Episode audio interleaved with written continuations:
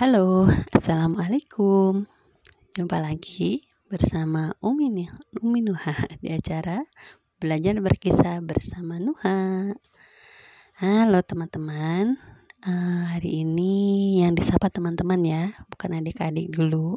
Karena hari ini Umi mau uh, apa ya, ber, ber bercerita, bercerita, membacakan mungkin membacakan ibu jadi biasanya Umi baca buku buat adik-adik, buku anak-anak ya. Nah hari ini Umi mau membacakan e-book yang Umi dapatkan dari kelas Bunda Sayang. Jadi ceritanya Umi sekarang lagi sedang mengikuti kelas Bunda Sayang batch 6 baru satu bulan berjalan ya masih ada 11 bulan lagi ke depan ini dari Institut Ibu Profesional. Nah, di bulan pertama baru selesai kemarin zona 1. Umi mendapatkan materi tentang komunikasi produktif.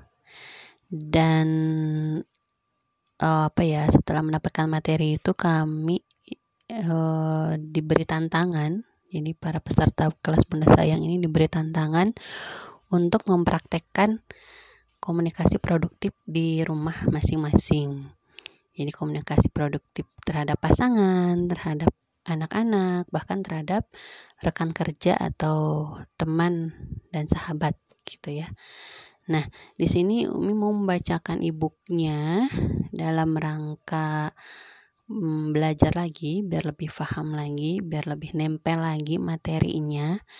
Juga apa ya dengan harapan uh, siapa pun yang mendengarkan podcast ini bisa mendapat manfaat yang sama yang yang Umi seperti yang Umi rasakan seperti itu ya. Baik, tidak berlama-lama uh, kita bacakan saja. Jadi ini e-booknya sudah padat banget jadi betul-betul berupa rangkuman yang padat gitu ya semuanya penting.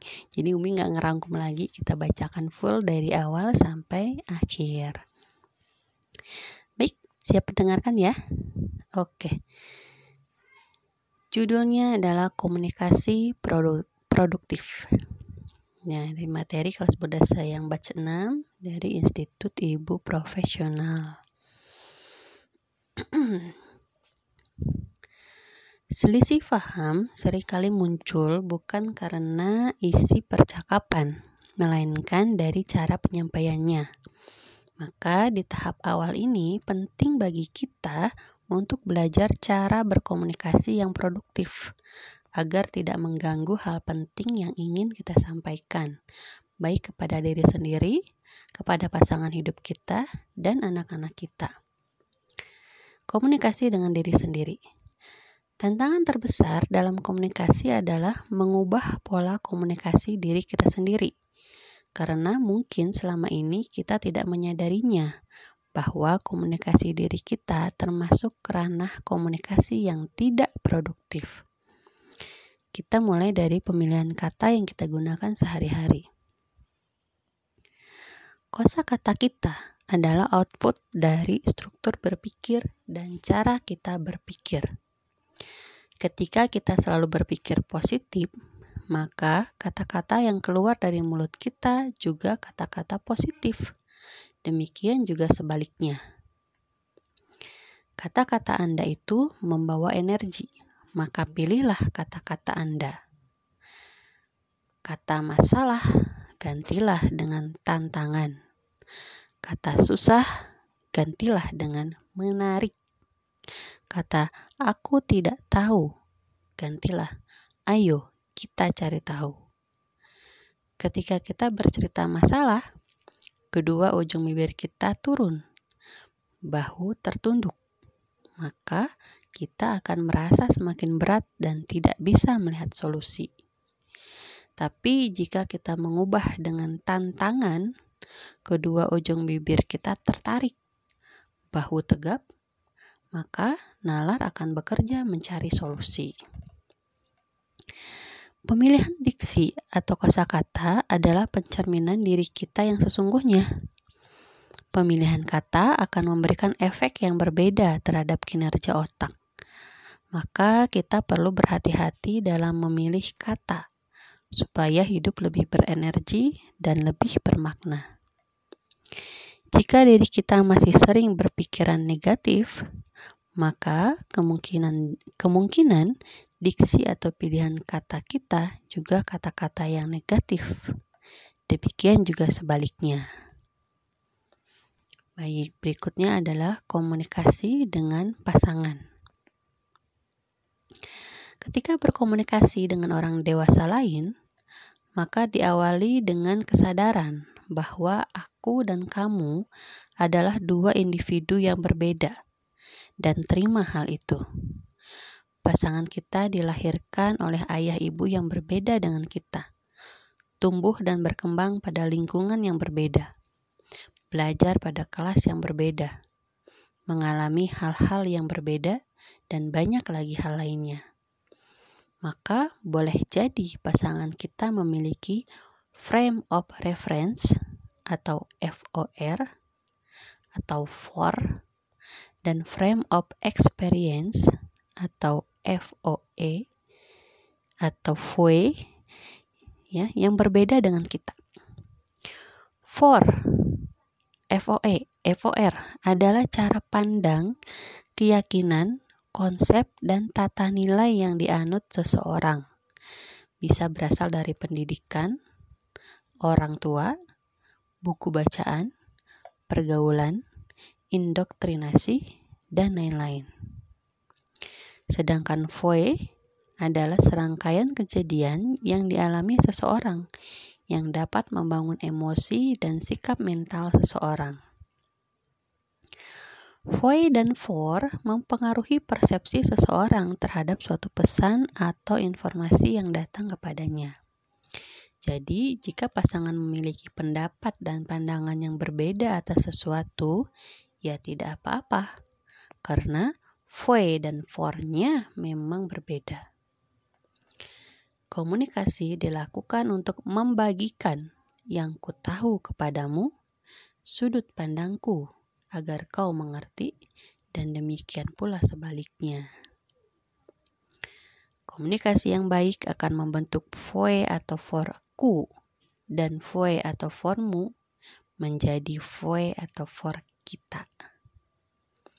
Sehingga ketika datang informasi akan dipahami secara sama antara kita dan pasangan kita ketika kita menyampaikan sesuatu, pasangan akan menerima pesan kita itu seperti yang kita inginkan. Komunikasi menjadi bermasalah ketika menjadi memaksakan pendapatku kepadamu. Harus kau pakai sudut pandangku dan singkirkan sudut pandangmu. Nah, pada diri seseorang ada komponen nalar dan emosi. Bila nalar panjang, emosi akan kecil. Bila nalar pendek, emosi akan tinggi. Komunikasi antara dua orang dewasa berpijak pada nalar. Sedangkan komunikasi yang syarat dengan aspek emosi terjadi pada anak-anak atau orang yang sudah tua. Maka, bila Anda dan pasangan masih masuk kategori dewasa, sudah bukan anak-anak dan belum tua sekali, maka selayaknya mengedepankan nalar daripada emosi. Dasarkan pada fakta atau data dan untuk problem solving. Bila emosi Anda dan pasangan sedang tinggi, jeda sejenak. Redakan dulu agar nalar Anda dan pasangan bisa berfungsi kembali dengan baik. Ketika emosi berada di puncak amarah, artinya nalar berada di titik terendahnya, sesungguhnya tidak ada komunikasi di sana. Sekali lagi, tidak ada komunikasi di sana. Tidak ada sesuatu yang dibagikan. Yang ada hanya suara yang bersahut-sahutan, saling tindih berebut benar. Ada beberapa kaidah yang dapat membantu meningkatkan efektivitas dan produktivitas komunikasi Anda dan pasangan. Yang pertama, kaidah CNC atau kaidah 2C, yaitu kaidah clear and clarify. Susunlah pesan yang ingin Anda sampaikan dengan kalimat yang jelas atau clear, sehingga mudah dipahami pasangan. Gunakan bahasa yang baik dan nyaman bagi kedua belah pihak.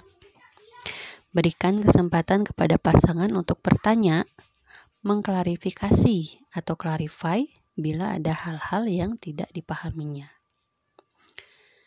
Kaidah kedua adalah choose the right time Pilihlah waktu dan suasana yang nyaman untuk menyampaikan pesan.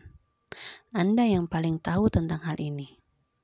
Meski demikian, tidak ada salahnya bertanya kepada pasangan waktu yang nyaman baginya berkomunikasi dengan Anda, atau suasana yang diinginkannya, dan lain-lain. Kaidah yang ketiga adalah kaidah 73855. Albert Mehrabian menyampaikan bahwa pada komunikasi yang terkait dengan pasangan dan sikap, eh maaf, komunikasi yang terkait dengan perasaan dan sikap atau feeling and attitude, aspek verbal atau kata-kata itu hanya 7% memberikan dampak pada hasil komunikasi. Komponen yang lebih besar mempengaruhi hasil komunikasi adalah intonasi suara yaitu 38%, dan bahasa tubuh 55%. Anda tentu sudah paham mengenai hal ini. Bila pasangan Anda mengatakan aku jujur, sumpah berani mati, namun matanya ke sana kemari tak berani menatap Anda, nada bicaranya mengambang, maka pesan apa yang akan Anda tangkap? Kata-kata atau bahasa tubuh yang intonasinya yang lebih Anda percayai? Nah, demikian pula pasangan dalam menilai pesan yang Anda sampaikan. Mereka akan menilai kesesuaian kata-kata, intonasi, dan bahasa tubuh Anda. 4. Kaidah Intensity of Eye Contact Pepatah mengatakan, mata adalah jendela hati. Pada saat berkomunikasi, tataplah mata pasangan dengan lembut itu akan memberikan kesan bahwa Anda terbuka, jujur, tak ada yang ditutupi. Di sisi lain, dengan menatap matanya, Anda juga dapat mengetahui apakah pasangan jujur, mengatakan apa adanya, dan tak menutupi sesuatu apa pun. Kaidah yang kelima yaitu kaidah I'm responsible for my communication result. Hasil dari komunikasi adalah tanggung jawab komunikator, si pemberi pesan. Jika si penerima pesan tidak paham atau salah dalam memahami, jangan salahkan ia. Cari cara yang lain dan gunakan bahasa yang dipahaminya. Perhatikan senantiasa responnya dari waktu ke waktu agar Anda dapat segera mengubah strategi dan cara komunikasi bila mana diperlukan. Keterlambatan memahami respon dapat berakibat timbulnya rasa jengkel pada salah satu pihak atau bahkan keduanya. Berikutnya adalah komunikasi dengan anak. Anak-anak itu memiliki gaya komunikasi yang unik. Mungkin mereka tidak memahami perkataan kita, tetapi mereka tidak pernah salah mengkopi. Sekali lagi, Mungkin mereka tidak memahami perkataan kita, tetapi mereka tidak pernah salah mengkopi. Sehingga gaya komunikasi anak-anak kita itu bisa menjadi cerminan gaya komunikasi orang tuanya. Maka kitalah yang harus belajar gaya komunikasi yang produktif dan efektif. Bukan kita yang memaksa anak-anak untuk memahami gaya komunikasi orang tuanya. Kita pernah menjadi anak-anak, tetapi anak-anak belum pernah menjadi orang tua. Sehingga sudah wajar, sudah sangat wajar kalau kita yang harus memahami mereka. Bagaimana caranya? Yang pertama adalah keep information short and simple atau KISS. Gunakan kalimat tunggal bukan kalimat majemuk. Contoh, kalimat produktif. Eh, maaf, contohnya kalimat tidak produktif dulu ya. Kalimat tidak produktif. Nak, tolong setelah mandi handuknya langsung dijemur, kemudian taruh baju kotor di mesin cuci ya, sisirlah rambutmu dan jangan lupa rapikan tempat tidurmu. Panjang ya. Contoh kalimat produktif. Nah, setelah mandi handuknya langsung dijemur ya. Titik ya, berikan jeda. Biarkan aktivitas ini selesai dilakukan anak, baru Anda berikan informasi yang lain. Jadi, keep information short and simple atau KISS. Yang kedua, kendalikan intonasi suara dan gunakan suara ramah. Masih ingat dengan rumus 73855? Nah, selama ini kita sering menggunakan suara saja ketika berbicara kepada anak yang ternyata hanya 7% mempengaruhi keberhasilan komunikasi kita ke anak. 38% dipengaruhi intonasi suara dan 55% dipengaruhi bahasa tubuh. Contoh kalimat tidak produktif. Ambilkan buku itu. Tanpa senyum, tanpa menatap wajahnya. Kalimat produktif. Nah, tolong ambilkan buku itu ya. Suara lembut, tersenyum, dan menatap wajahnya. Hasil perintah pada poin 1 dengan poin 2 akan berbeda. Pada poin 1, anak akan mengambilkan buku dengan cemberut. Sedangkan poin 2, anak akan mengambilkan buku dengan senang hati. Berikutnya, katakan apa yang kita inginkan, bukan yang tidak kita inginkan. Contoh kalimat tidak produktif. Nah, ibu tidak ingin kamu ngegame terus sampai lupa sholat, lupa belajar. Kalimat yang produktif. Nah, ibu ingin kamu sholat tepat waktu dan rajin belajar.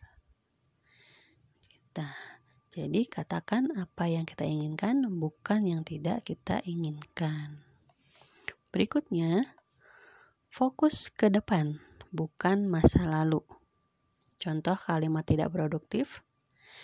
Nilai matematikamu jelek sekali, cuma dapat 6. Itu kan gara-gara kamu ngegame terus, sampai lupa waktu, lupa belajar, lupa PR.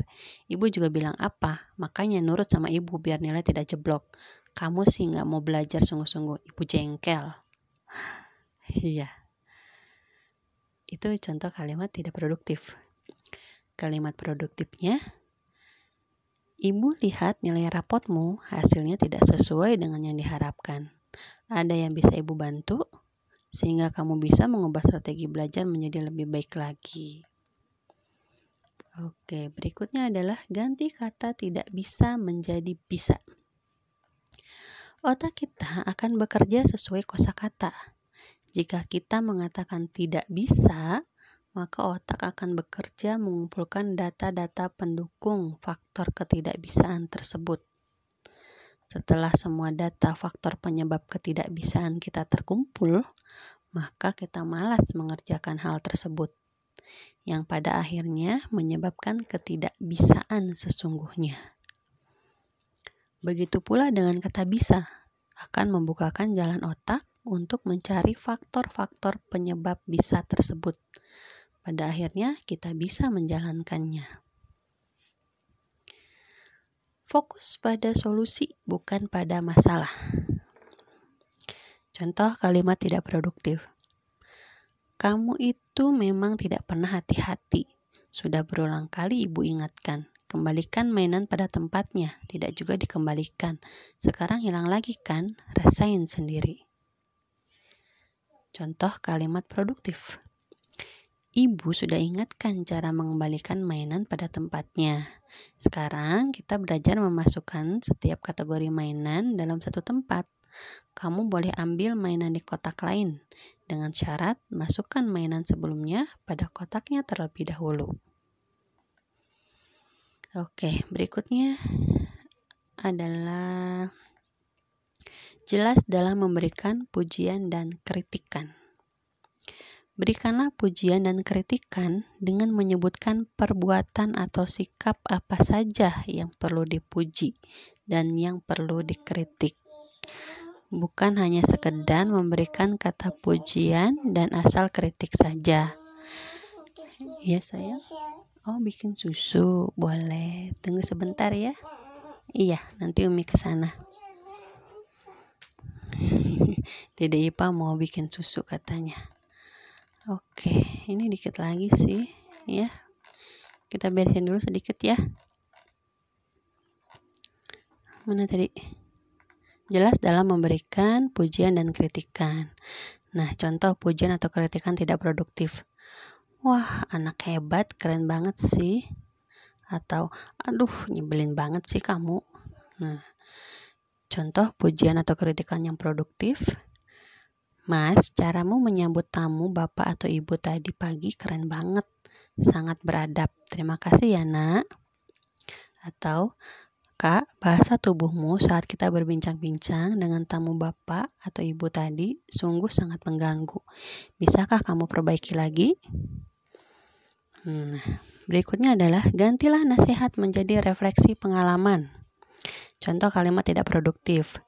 Makanya jadi anak jangan malas. Malam saat mau tidur siapkan apa yang harus kamu bawa sehingga pagi tinggal berangkat.